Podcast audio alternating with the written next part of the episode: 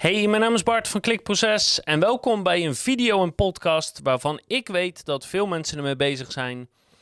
AI-content, hoe goed is dat? Kan je er wat mee? En hoe zit dat in 2021? Dus wat hebben we gedaan? We hebben een vergelijking gemaakt tussen content geschreven door Artificial Intelligence en handgeschreven content.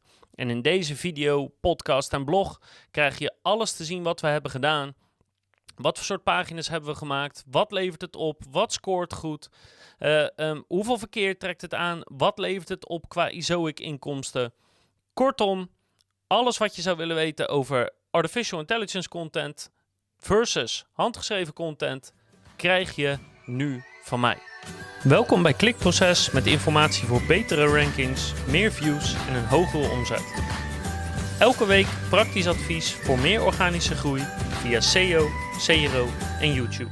Want we hebben een Engelse website, wat ik in een andere video, podcast en blog al verteld heb. Um, die redelijke autoriteit heeft op de domein toen we het kochten. Daar hebben we content opgezet om te kijken of dat rankt. Nou, dat het rankt, dat mogen duidelijk zijn, blijkt uit de vorige video. We zijn in een half jaar tijd gegroeid van 0 naar tussen de 12 en 15.000 bezoekers per maand. Met de inkomsten van ongeveer 300 dollar per maand. Dus dat gaat lekker. Maar de vraag is nu: komen die inkomsten uit handgeschreven content, uit AI-content? Hoe werkt het proces om die content te maken? Hoe goed is het dan precies? Uh, en ja, dat zijn we eigenlijk gaan uitzoeken. Dus we hebben één, we hebben korte berichten gemaakt. Die zijn redelijk feitelijk. En dat is in feite een soort de simpelste vorm van content. Maar het is net te ingewikkeld voor een featured snippet. Uh, want, want wat we niet willen is dat wij content maken dat eigenlijk het volledige antwoord in de featured snippet staat en dat we dus nooit klik krijgen. Um, dus we hebben zoekwoorden en, en antwoorden gepakt die net te ingewikkeld zijn. Of net te ingewikkeld, in elk geval zo dat je kan verwachten dat een groot deel van de mensen doorklikt om meer uh, te willen lezen. Maar dat zijn pagina's van een woord of 300. Dus echt korte, beperkte pagina's. Daarnaast hebben we pagina's ontwikkeld die minimaal 750 woorden waren tot een uitloop van ongeveer 1500 woorden. En dat hebben we dus moeten doen door meerdere keren um, een prompt over dezelfde pagina te laten lopen om steeds een nieuwe sectie van de pagina te laten ontwikkelen en dat dan aan elkaar te plakken. Dus dat zijn de twee soorten pagina's die we hebben ontwikkeld. Daartegenover zetten we uh, normale handgeschreven pagina's. In dit geval uh, doen we die via Word Agents, regelen we die. Um, en dat zijn alleen maar wat langere pagina's. Dus 750 woorden minimaal tot een woord of 2000. Daar, daartussen scheelt het ergens afhankelijk van ja, hoe ingewikkeld het antwoord is. En die zijn we gaan uploaden. Dus we zijn begonnen met 25 artikelen te uploaden vanuit Word Agents. Dat hebben we gedaan in februari, maart en april. Toen zijn we die 25 artikelen stuk voor stuk gaan uploaden. Uh, nou ja, zorg, uh, alles nakijken, zorgen dat het klopt, afbeeldingen toevoegen, laten indexeren. Daar zijn we mee gestart. Daarna zijn we de langere AI-artikelen online gaan zetten, die van uh, eh, 750 woorden of meer. Dat hebben we in april gedaan. En de kortere artikelen van 300 woorden zijn we in mei en juni online zetten. Dus die zijn, staan pas veel minder lang online, hebben dus minder tijd gehad om te ranken. Daarnaast is het ook belangrijk om te weten dat die handgeschreven content, daar is de concurrentie echt goed van uitgezocht. Dus relatief lage concurrentie en hoog zoekvolume. Um, van de langere artikelen van de AI-content hebben we dat ook gedaan. Dus ook die zijn gericht op uh, relatief lage concurrentie. Um, van de korte artikelen hebben we dat niet gedaan. Daar hebben we meer gekeken in zijn algemeenheid van... hebben we een niche met veel kleine vragen en antwoorden... die niet te competitief is. Dus we hebben één keer globaal gekeken naar de zoekwoorden. Toen vonden we een, een niche die niet zo heel competitief is. Dus hebben we die gepakt. Maar um, de concurrentie kan daar dus wat hoger in zijn. Ook is het goed om te weten dat de handgeschreven artikelen zijn helemaal opgemaakt met vrij veel afbeeldingen erin waar dat nodig is. En de AI-content niet. Dus daar hebben we één of twee afbeeldingen toegevoegd en dat is het. Um, bij de 300 woorden content is dat niet zo raar dat je één afbeelding hebt. Bij de 750 uh, eh, woorden content of langer zou om eerlijk te zijn hier of daar nog wel een afbeelding moeten kunnen worden toegevoegd om het, om het verhaal wat wat beter of completer te maken. Maar nou ja, om bepaalde redenen hebben we dat niet gedaan. Dus De handgeschreven content heeft wel echt voordelen ten opzichte van dus zeker weten dat lage concurrentie, hoog zoekvolume en helemaal goed opgemaakt. En de AI-content zijn we wat slordiger mee geweest. Maar van de AI-content hebben we veel meer pagina's, want van de handgeschreven pagina's hebben we er maar 25. En van de AI-content hebben we er in totaal ongeveer 90. Dus we hebben veel meer AI-geschreven content. Waarom? Omdat het dus veel makkelijker en sneller gaat. En om een beetje tegenwicht te geven aan het feit dat die handgeschreven content wat voordelen heeft. Nou begrijp ik dat het laten indexeren en het tijd geven om te ranken in Google een belangrijke factor is. Dus vandaar dat dit niet zeg maar, het eindpunt is van ons verhaal qua AI-content op een of andere manier. Het is gewoon een eerste update. Dus de handgeschreven content heeft de langste tijd gehad, ja, iets korter dan een half jaar. En uh, de langere AI-content heeft een paar maanden gehad. En de kortere AI-content, ja, ongeveer een maand of, of ietsjes langer. Um, dus ik ben wel benieuwd over, hè, we laten al die content gewoon staan, of er over een jaar nog een belangrijk verschil is ten opzichte van de resultaten die ik nu vertel. Omdat die AI-content gewoon minder tijd heeft gehad. Oh, en dan ben ik nog vergeten te vertellen. Um, wat voor soort content die langere AI-content is, dat is uh, alternatieve content. Dus dat betekent dat het artikel gaat over een alternatief op X. Dus bijvoorbeeld uh, vijf alternatieven op een spijkerbroek. En dan is één kopje bijvoorbeeld een trainingspak. Dat soort content hebben we gepakt. Dus een alternatief op X. Waarom? Omdat we veel met de AI bezig zijn geweest, maar we merken dat de intelligentie nog niet altijd even fantastisch is. Dus we moeten de onderwerpen soort simpel houden om er een beetje degelijk resultaat uit te halen. En als we een alternatief opdoen, dus dan zeggen we bijvoorbeeld dus een alternatief op een spijkerbroek en dan geven we met H2'tjes geven we de verschillende kopjes al aan. Dus vier alternatieven op een spijkerbroek. Nou ja, een trainingspak, uh, een rok, een, een jurk, en een kilt, ik zeg maar wat. Um, dat snapt die AI redelijk goed. En, en dan komen er ook teksten uit waarvan je denkt, daar kan je wat mee. Als je het te complex maakt, bijvoorbeeld een review van een, van een product of van een dienst, of als je echt, zeg maar, vakinhoudelijk ergens over gaat praten, dus of het nou gaat over, over loodgieterij of over SEO of wat dan ook, ja, dan, dan haak je al snel af. Dan, dan, komt er gewoon, ja, dan komen er gewoon dingen uit die gewoon voor geen meter kloppen. Dus je moet het enigszins, zeg maar, simpel, begrijpelijk en, en een beetje oppervlakkig nog houden. En daar kom ik op het eind van de video nog op terug. En die alternatieve artikelen waren daar op zich een heel goed voorbeeld van.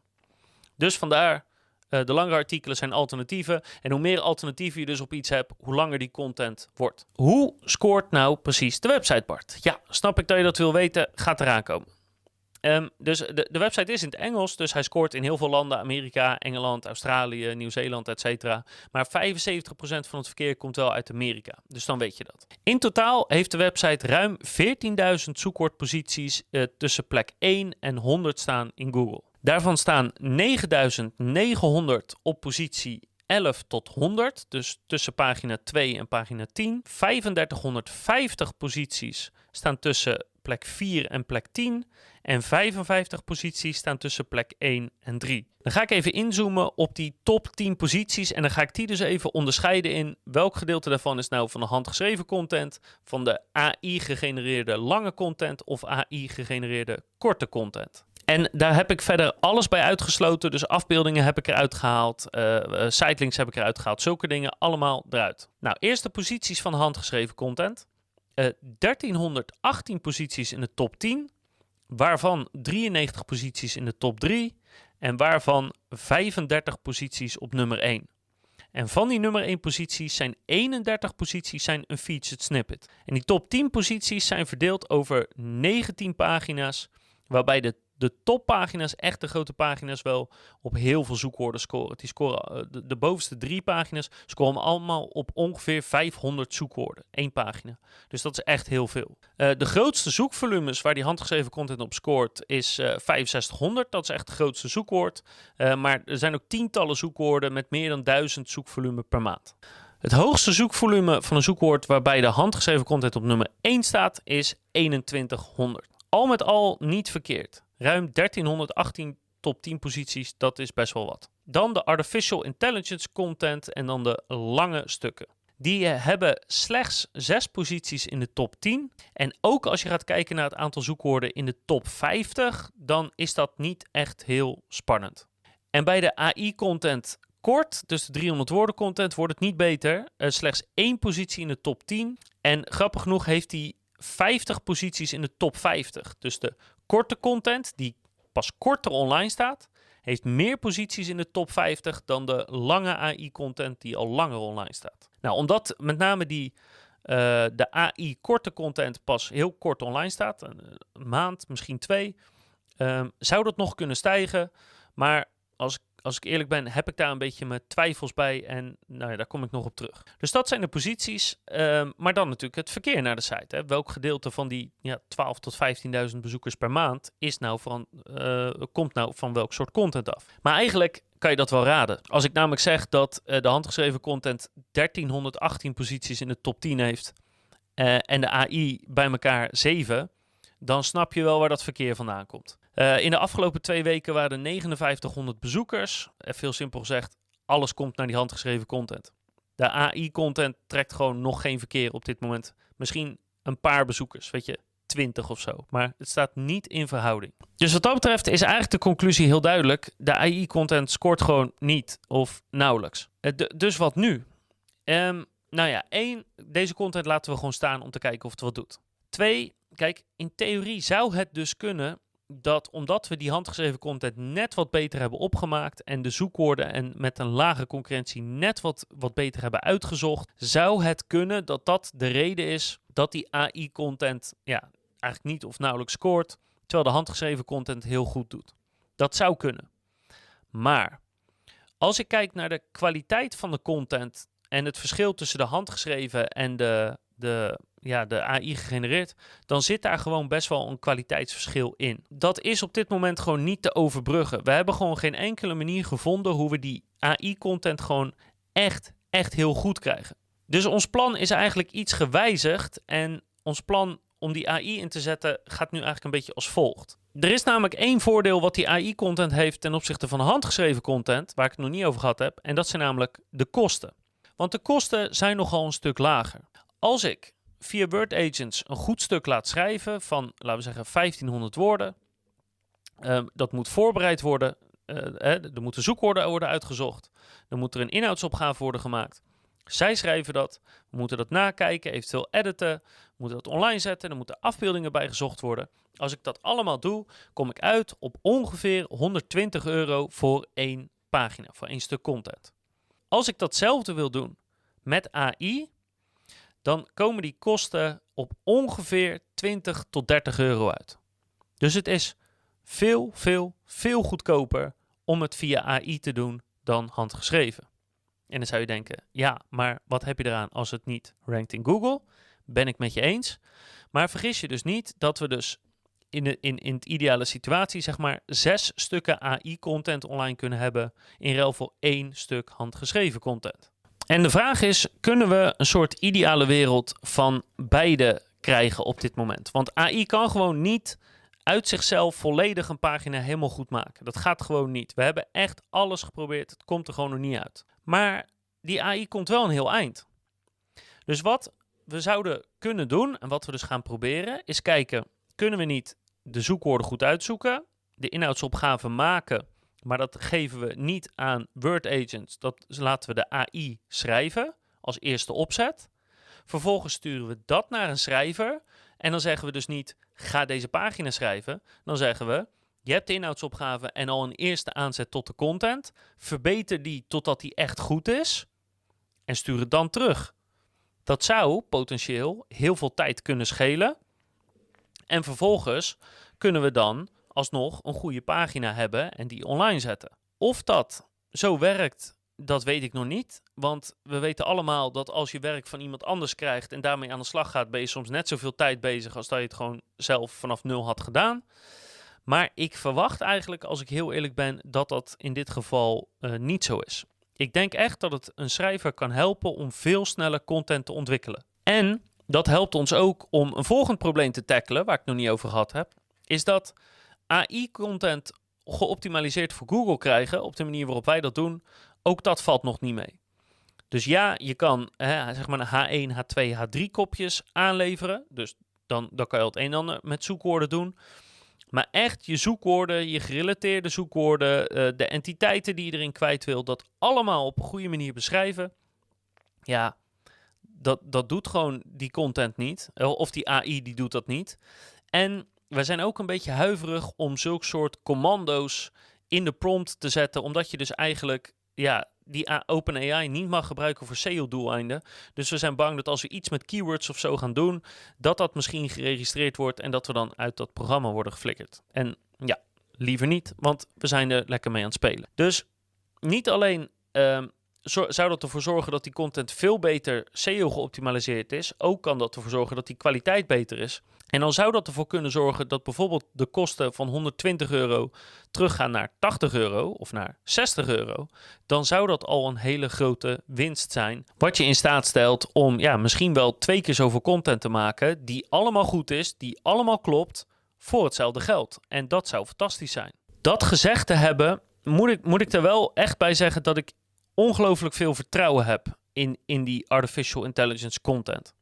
Um, ik weet bijvoorbeeld dat ze bij RTL hebben ze al een contentbot gemaakt die op basis van cijfers eigenlijk content schrijft. En dat gebruiken ze vooral als ze, als ze bijvoorbeeld heel veel content hebben, dus dat, dat het in feite niet zelf te schrijven is. Dus stel, dat ze cijfers hebben van wat dan ook over elke uh, plaats. Nou, we hebben ongeveer 5000 plaatsen in Nederland. Um, dus als ze dat per plaats willen publiceren, nou, dan laten ze hun eigen AI-contentbot laten ze elke pagina vullen en dan kunnen ze vindbaar worden op, weet ik veel, bijvoorbeeld het weer plus plaatsnaam. Of als er een of andere ramp of een subsidie of een, een overheidsregel is die, die per plaats anders kan zijn, uh, kunnen ze dat heel makkelijk genereren. Als je ook kijkt naar hoe slecht AI-geschreven content was, en hoe goed het nu is, dan is er echt in een paar jaar tijd een hoop verbeterd. Als je nu kijkt naar die alternatief artikelen bijvoorbeeld, hè, dus dan uh, hou even hetzelfde voorbeeld aan. Uh, vier alternatieven op een spijkerbroek en een daarvan is een trainingspak. En de AI doet een, een poging, alleen die poging is gewoon net niet goed. Het is gewoon alsof iemand erover probeert te praten die er niet heel veel van af weet. Hè, die gewoon daar een spijkerbroek ziet en, en een trainingspak ziet en dan zegt, ja, ja, uh, die broek ziet er veel mooier uit. En uh, het is gemaakt van katoen, bijvoorbeeld.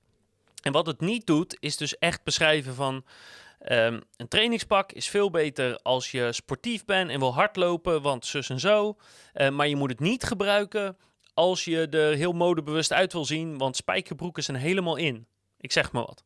Weet je, echt diep erop op ingaan en echt een soort ja, vakinhoudelijk snappen en de lezer proberen iets bij te brengen, dat lukt gewoon niet. Hij, hij doet een aanzet tot, maar hij komt niet heel ver. Toch durf ik wel te stellen dat door alleen maar zo'n eerste aanzet tot te doen en ja, de manier waarop hij de snelheid waarmee hij teksten kan maken en de structuur die hij aan kan houden, dat AI-content echt al net zo goed is of, of zo goed als is als teksten die je nu koopt voor 1 of 2 cent. Dus voor mijn gevoel is de onderste, de alleronderste laag copywriters die voor het allerlaagste tarief werken, omdat de teksten gewoon niet zo goed zijn. Wat mij betreft is die laag nu gewoon weg. En als je zulke soort content wil hebben, dan laat je dat gewoon door AI genereren. Want zo goed is de content dus al wel. En dat betekent dat het van echt compleet waardeloos een paar jaar geleden naar het absolute minimum, waar dus al sommige mensen het een en ander aan hebben en waarvan wij dus overwegen om dus al de eerste opzet door AI te laten maken. Daar zit het nu.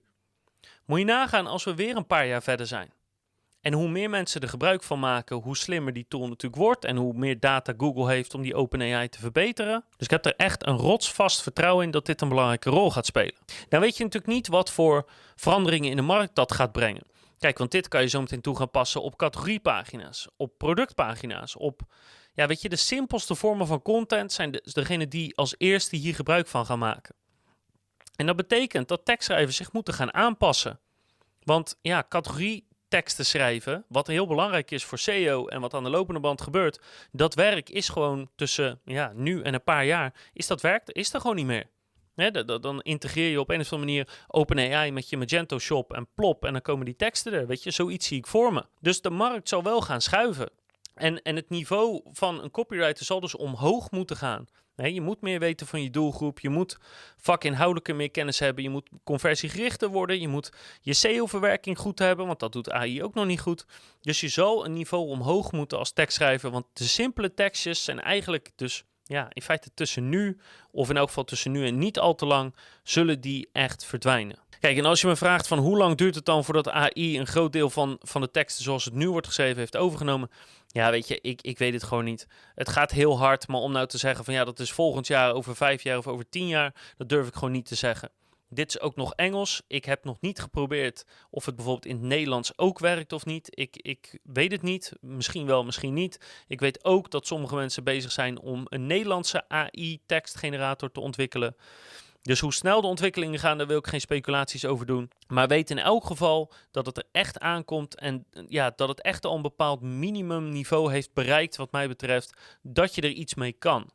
Wij blijven er in elk geval bovenop zitten en we blijven kijken hoe we dit kunnen toepassen. Weet je, kan dit op grote schaal worden toegepast voor websites, voor webshops? Kan je er inhoudelijke dingen mee maken? Kan je er uh, iets mee versnellen? Wat je er ook mee kan, we blijven proberen om het maximale eruit te halen. En als we nog interessante dingen tegenkomen of leren, dan laten we dat zeker weten. En ik zal je ook op de hoogte houden van eh, de rankings, de posities en het verkeer die deze content en eventueel toekomstige content die we online zetten, um, die, uh, daar hou ik je van op de hoogte. Uh, weet wel dat de uh, freelancer die dit voor ons uitzoekt, voor ons regelt en die precies weet hoe het allemaal werkt, die is nu even met zwangerschapsverlof, dus het zal nu iets rustiger zijn. Maar ik hoop zeker tegen het einde van het jaar weer een grote update te geven met hoe het allemaal gaat en of we al meer hebben kunnen doen met die AI-content dan dat we op dit moment kunnen. Bedankt voor het kijken, luisteren en lezen. Heb je nog vragen over AI-content en handgeschreven content of over Word Agents of wat dan ook? Uh, ja, laat een, laat een reactie achter op de YouTube-comments of mail mij op bart.klikproces.nl. Dan, uh, dan help ik je graag. En ik hoop dat je de volgende keer weer kijkt, luistert of leest. Dan hebben we nog veel meer advies op het gebied van AI, SEO, content en YouTube.